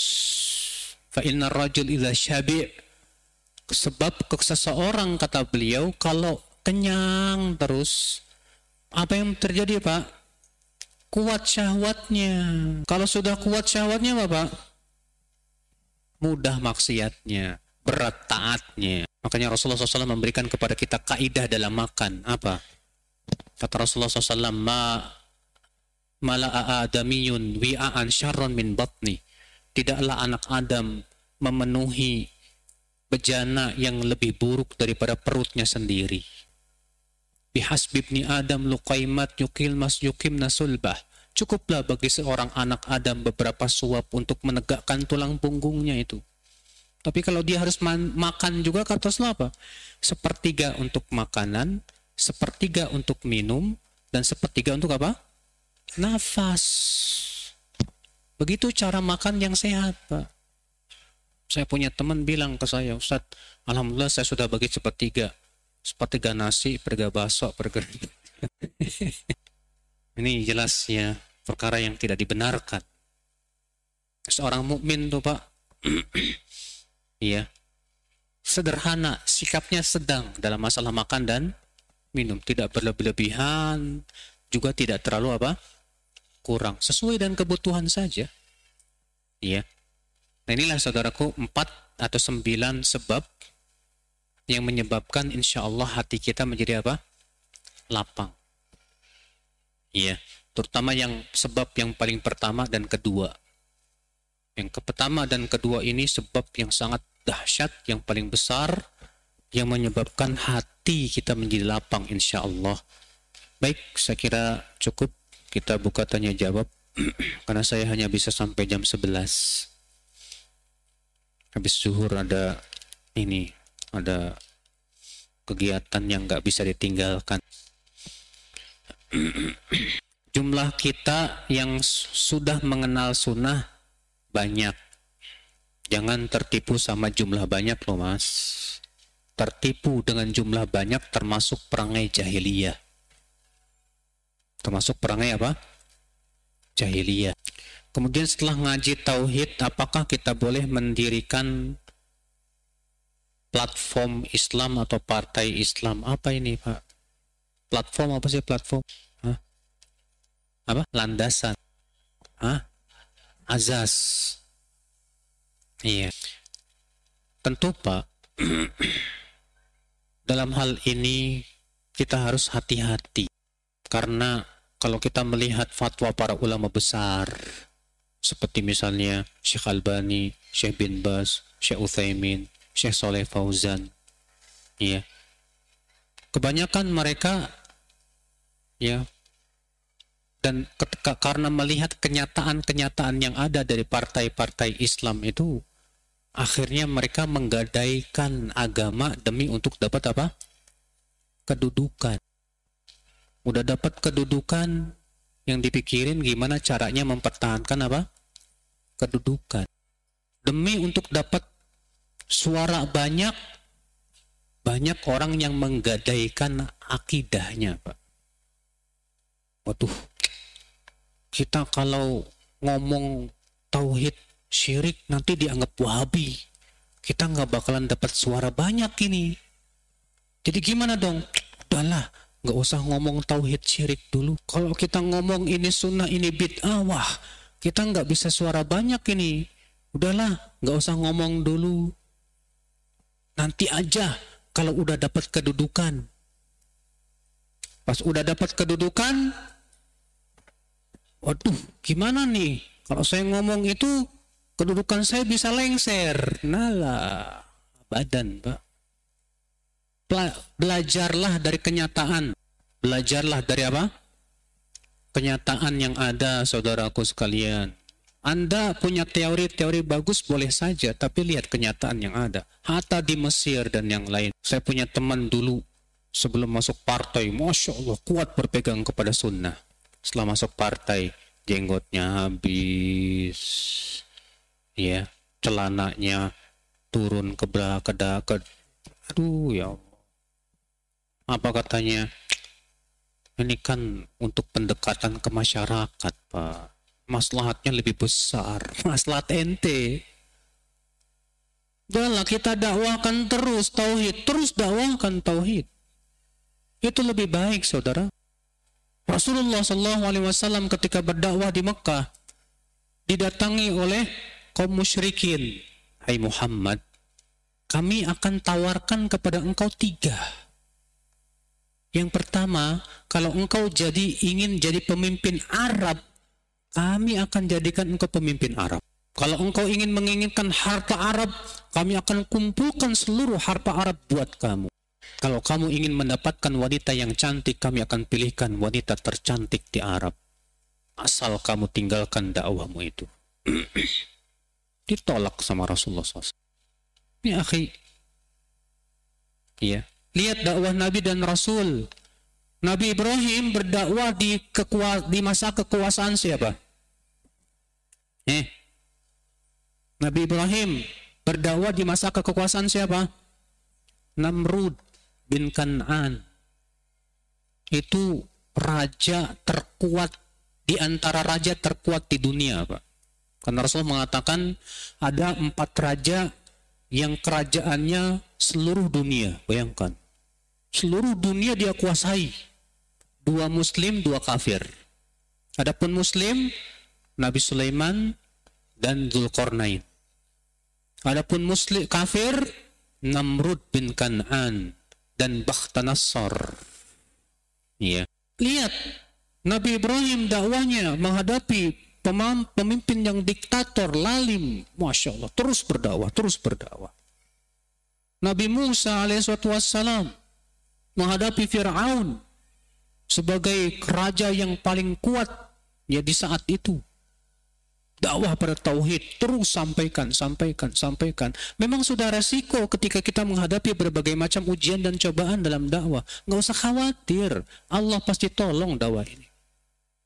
Cuma masalahnya itu pak kita ingin tergesa-gesa mendapatkan hasil. Ketika kita tergesa-gesa ingin mendapatkan hasil sering kali akhirnya kita menghalalkan segala cara demi untuk mendapatkan tujuh tujuan. Ini sebuah kesalahan dalam metode dakwah, saudaraku. Iya. Sabarlah, kita terus berdakwah, terus berdakwah, terus berdakwah. Capek memang dakwah nih, Pak. Jangan kita mengharapkan dakwah ini pengennya tenang, nggak ada ujian, nggak bisa. Allah mengatakan apa? Am hasibtum an tadkhulul jannah?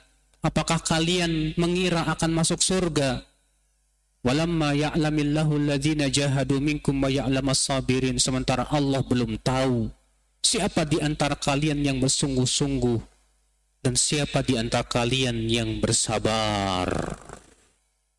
Ya. Tawakal sama Allah. Yakinlah. Ya, kalau Allah memang apa namanya takdirkan dan Allah bela kita dan itu sudah janji Allah siapa pun orang sehebat pun apa pun juga tidak akan bisa menghalang-halangi dakwah ini, Pak. Tidak akan bisa menghalang-halangi dakwah ini. Tapi ketika kita sudah mulai mundur dari akidah kita, di situlah Allah pun mundur dari menolong kita. Iya. Gak usah khawatir. Jalan terus. Mohon solusinya buat si fulan yang suka marah-marah, Ustadz karena karakternya suka marah-marah. Apakah marah-marah bisa diobati? Sangat bisa. Sangat apa? Bisa. Karena marah-marah itu akibat apa? Panasnya hati. ya. Berarti hatinya harus diapa? Didinginkan. Didinginkan dengan apa? Banyak. Di antaranya dengan zikir, dengan membaca Al-Quran, Ya. Kalau hatinya terus berzikir dan banyak berzikir, anak yakin hatinya dingin, enak pak, nggak marah-marah insya Allah. Iya. Maka di sini, makanya ketika ada seorang laki-laki minta kepada Rasulullah wasiat, ya Rasulullah ausini, Hei Rasulullah, tolong berikan aku wasiat. Apa kata Rasulullah? La tagdob, jangan marah. Tolong aku berikan wasiat yang lain, jangan marah. Terus saja dia mengulang-ulangi, berikan aku wasiat, Kata Rasulullah, jangan marah. Jangan marah. Jangan. Karena Rasulullah tahu ini orang kelemahannya satu. Kelemahannya dia suka apa? Marah. Maka Rasulullah memberikan wasiat jangan. Maka kita harus punya usaha, Pak. Kalau kita punya sifat suka temperamenan, suka marah-marah, harus kita berusaha bagaimana caranya supaya kita tidak temperamenan lagi. Itu di antaranya banyak zikir, menghindari makanan-makanan yang bias yang membuat kita jadi marah-marah. Kurangnya istirahat bisa menyebabkan kita suka marah-marah. Kurangnya jima juga menyebabkan antum suka marah-marah. Ya, banyak sebab saudaraku, banyak faktor. Ya. Allahu a'lam. Apa hukumnya orang yang meninggal nggak bayar hutang? Waduh, ngeri pak. Soalnya hutangnya itu nanti akan dibayar dengan amalan soleh dia nanti di hari kiamat. Ya. Ketika Rasulullah SAW mengabarkan orang yang mati syahid dari semenjak tetesan darah pertama keluar Allah sudah ampuni semua dosa-dosanya. Kata Rasulullah kecuali hutang. Hutang. Berat, Pak. Iya. Rasulullah pernah diminta untuk mensolatkan seorang sahabat yang sudah meninggal. Ketika Rasulullah mau, mau, mau, mau menyolatkan, Rasulullah nanya, dia punya hutang enggak? Kata mereka punya, ya Rasulullah dua dinar. Kalau begitu kalian aja yang menyolatkan, aku enggak mau. Sampai Rasulullah enggak mau nyolatin orang yang punya utang. Bayangin. Akhirnya seorang sahabat berkata, Alaya dinaron, ya Rasulullah, biarkan dua dinar itu yang aku aku yang akan membayarnya. Benar, kata Rasulullah, iya, kata dia. Akhirnya Rasulullah mau menyolatkan. Keesokan harinya Rasulullah bertanya, gimana, sudah bayar belum? Lupa ya Rasulullah, belum. Besoknya lagi Rasulullah nanya lagi, udah bayar belum? Sudah ya Rasulullah. Kata Rasulullah, al-an hina barodat jilduh. Sekarang kulitnya dia merasa dingin. Sekarang kulitnya dia merasa apa? Dingin. Makanya antum jangan mudah-mudahan pak. Ngutang sana, ngutang sini. Banyak ikhwan kayak gini pak modelnya pak. Ya, seneng ngutang tapi nggak ada niat bayar. Kalau ditagi jawabnya apa? Afwan akhi. Antum kan saudara aneh. La ilaha illallah. Para sahabat aja nggak pernah ngomong gitu, hatta sampai Rasulullah. Sama Rasulullah. Ada yang datang ke Rasulullah dan berkata, Hei Rasulullah mana hutangku? Nagih hutang sama Rasulullah, bayangin Pak. Maka Rasulullah menyuruh, bayar dia dan tambahkan lagi.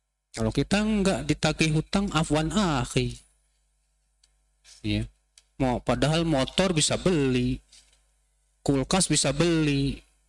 La ilaha illallah. Ngeri, Pak. Jangan meremehkan masalah hutang loh, Pak. Berat loh. Ya hutang itu di mata Allah Azza wa Jal. Jika ada pengemis atau pengamen, saya nggak mau ngasih. Alasannya mengemis dan mengamen itu kan haram. Tapi di sisi lain saya kasihan Ustadz. Gimana itu? Kalau antum melihat dengan mata kepala antum bahwa orang ini memang dengan dugaan kuat antum ya bahwa orang ini memang benar-benar susah. Ya berhak dikasih. Kasih aja. Masalah kemudian ternyata dia bohong dan yang lain itu tidak mempengaruhi pahala antum sama sekali. Dasarnya hadis riwayat muslim. Ya, ada kata Rasul dahulu ada orang yang berkata la, la atasaddaqanna laylah malam ini saya mau sedekah. Malam itu dia keluar cari fakir miskin, ketemu orang, lalu dia berpikir, mungkin ini orang miskin, sepertinya ini, dikasih. Eh ternyata pencuri, Pak. Di pagi hari orang-orang pada ngobrol, bincang-bincang, tadi malam ada pencuri dikasih sedekah. Lalu orang itu berkata, malam ini aku mau sedekah lagi. Malam itu sedekah, keluar lagi dari rumahnya nyari fakir miskin Dilihatnya sepertinya ini orang miskin dikasih lagi. Eh rupanya pelacur. Di pagi hari orang-orang berbincang-bincang. Semalam ada pelacur dikasih sedekah. Akhirnya orang ini berkata apa? Malam ini aku mau sedekah lagi. Keluar lagi malam itu. Ketemu orang. Wah ini orang susah ini. Dikasih. Eh ternyata orang kaya. Di pagi harinya orang-orang berbincang-bincang lagi ada orang kaya semalam dikasih sedekah. Iya. Hadis ini dijadikan faidah oleh para ulama apa? Pertama, kita dalam menilai seseorang itu cukup dengan dugaan kuat kita bahwa dia memang mis miskin. Yang kedua, bahwa pahala kita tidak berubah sama sekali kalau ternyata salah orang. Setelah kita menduga ini orang yang susah, berhak dikasih sedekah, kita kasih.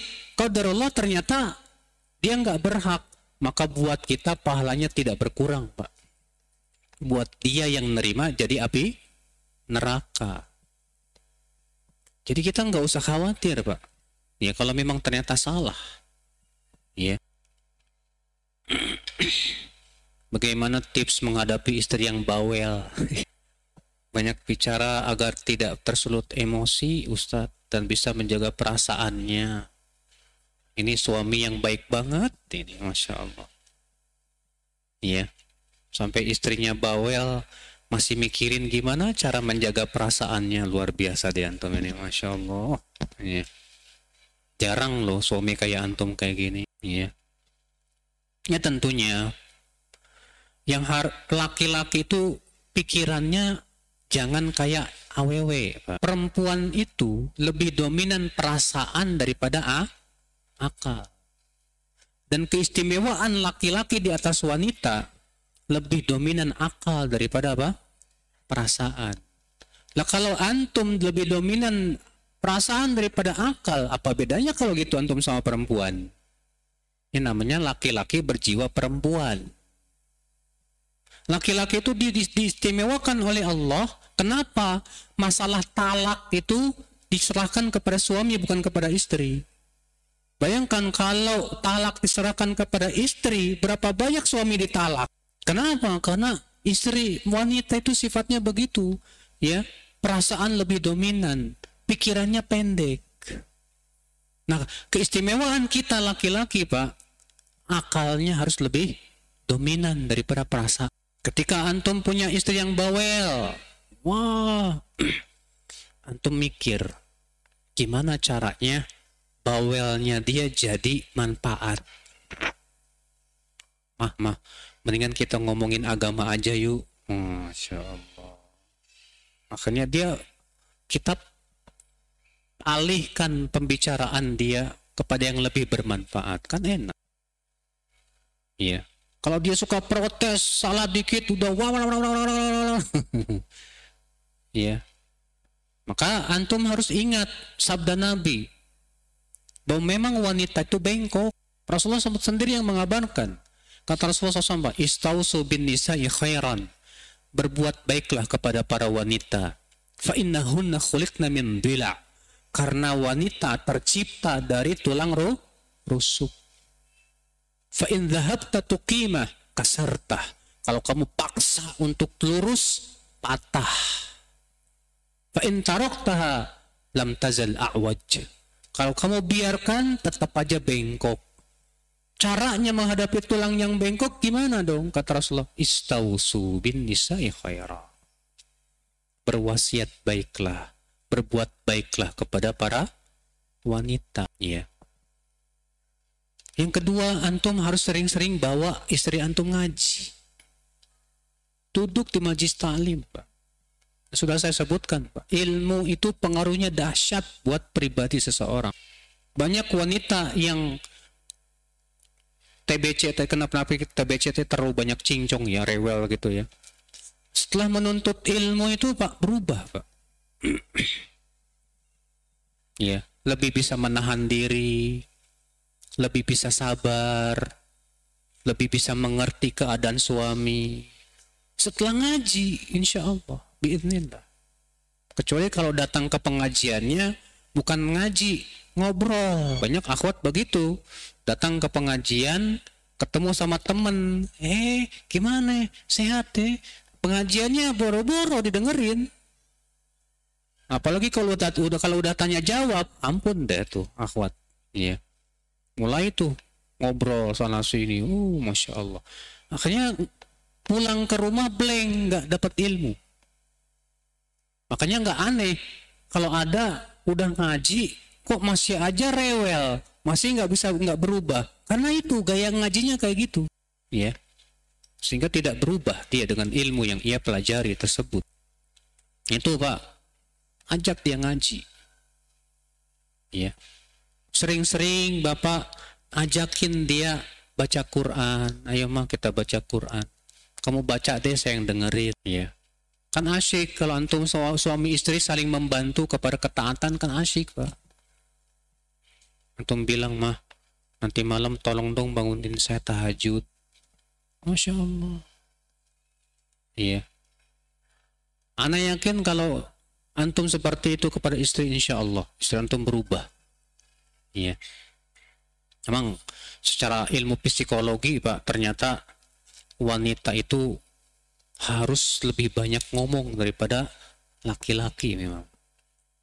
Iya, saya dikasih tahu sama teman saya yang ahli psikolog bahwa memang wanita itu bicaranya itu harus dua tiga kali lipatnya laki-laki.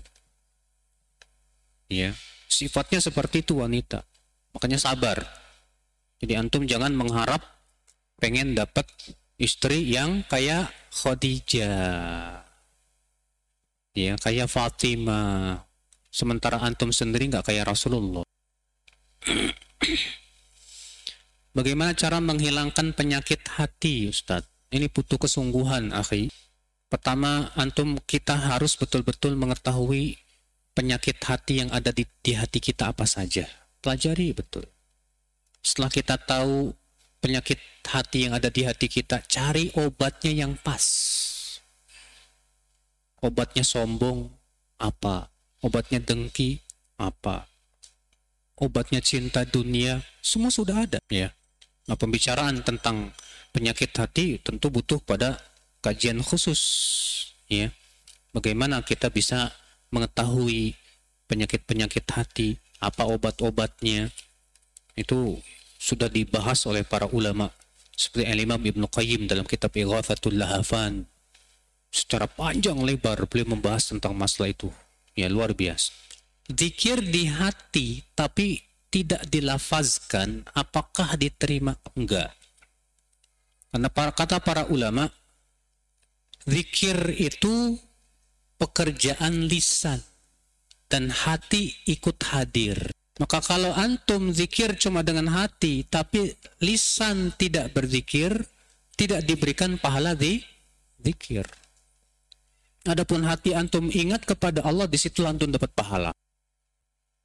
Makanya para ulama semua sepakat, kalau ada orang sholat baca Al-Fatihah tidak dilafazkan, hanya di hati, sholatnya nggak sah. Sholatnya apa?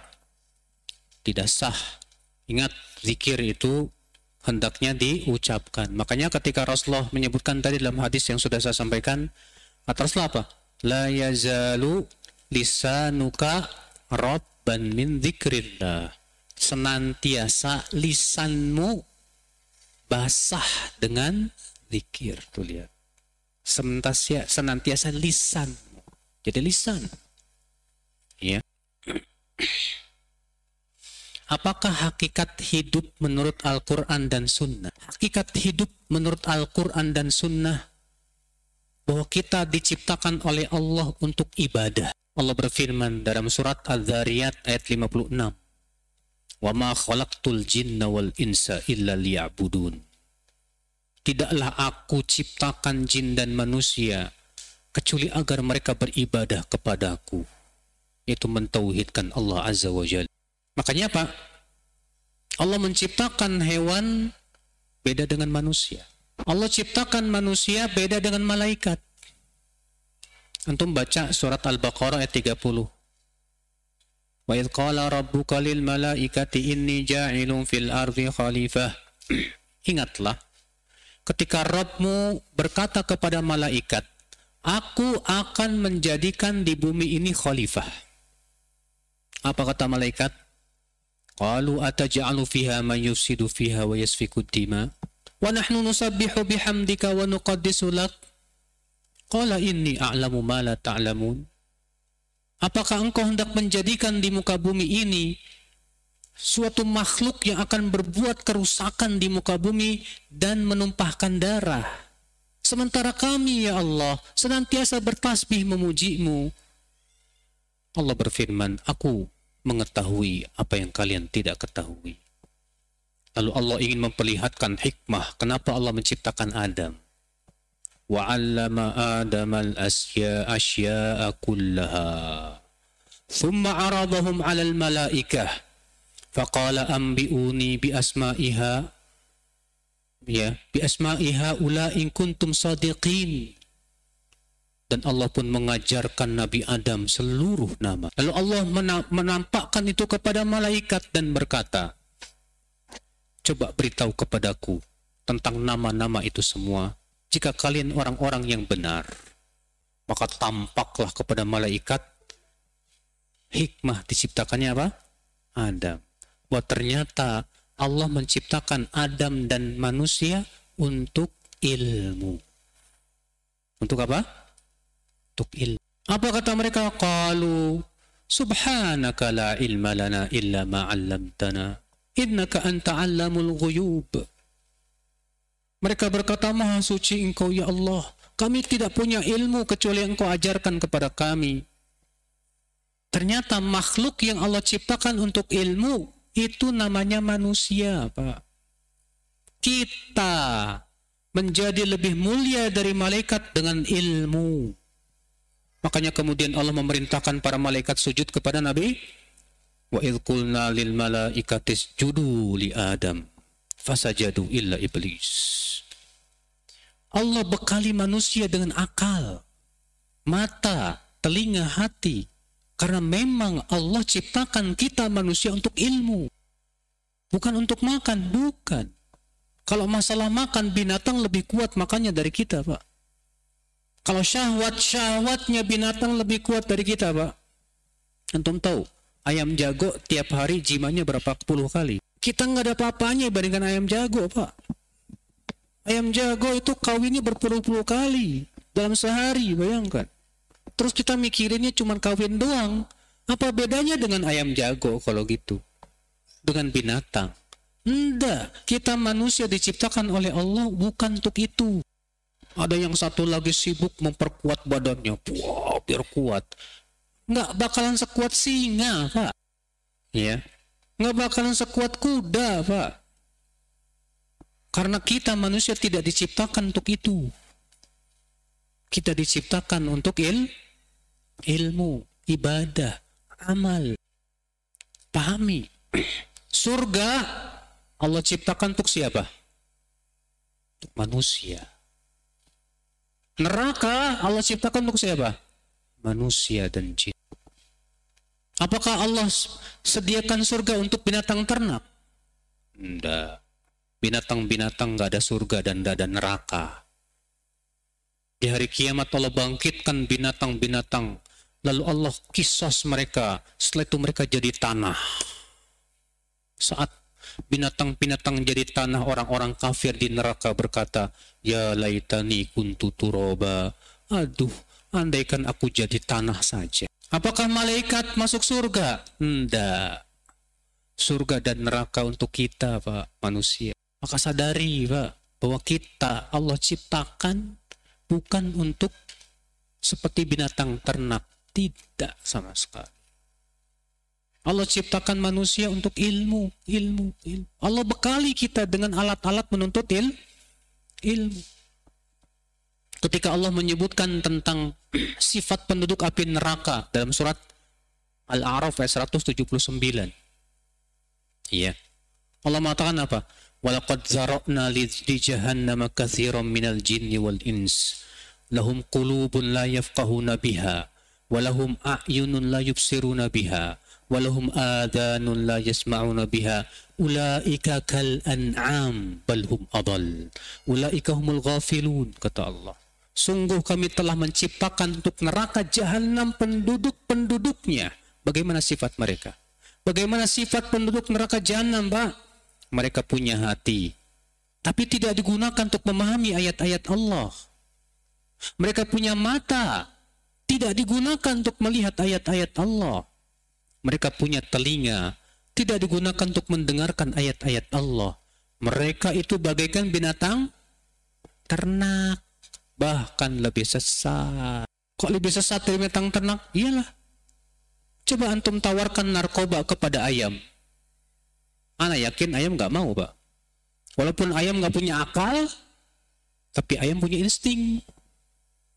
Tawarkan narkoba kepada kambing. Nggak mau kambing. Antum paksa, antum ancam dengan sembeli, nggak mau.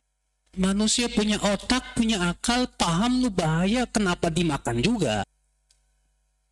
La haula wala quwata illa billah. Makanya akhi ingat, akhi. Kita diciptakan Allah untuk ilmu dan amal. Itu tujuan hidup kita ya akhi. Surga diciptakan untuk kita manusia. Kalaulah setelah kematian itu udah selesai, tidak ada surga dan neraka enak. Masalahnya setelah kematian ada surga, ada apa? Kita nggak tahu kita mau masuk ke mana. Siapa yang mau masuk surga, silahkan bersungguh-sungguh. Dan siapa yang masuk neraka, silahkan maksiat. Nah inilah saudaraku, jadi sadari. Setelah ya renungi oleh kita semuanya bahwa kita hidup Allah ciptakan di dunia untuk ilmu dan amal. Ilmu dan apa? Amal. Semoga yang saya sampaikan bermanfaat. Mohon maaf tidak bisa saya jawab semuanya Pak. Dan semoga kita diberikan oleh Allah hati yang lapang. Iman yang senantiasa istiqomah di atasnya. Amin ya rabbal alamin. Wabillahi taufik.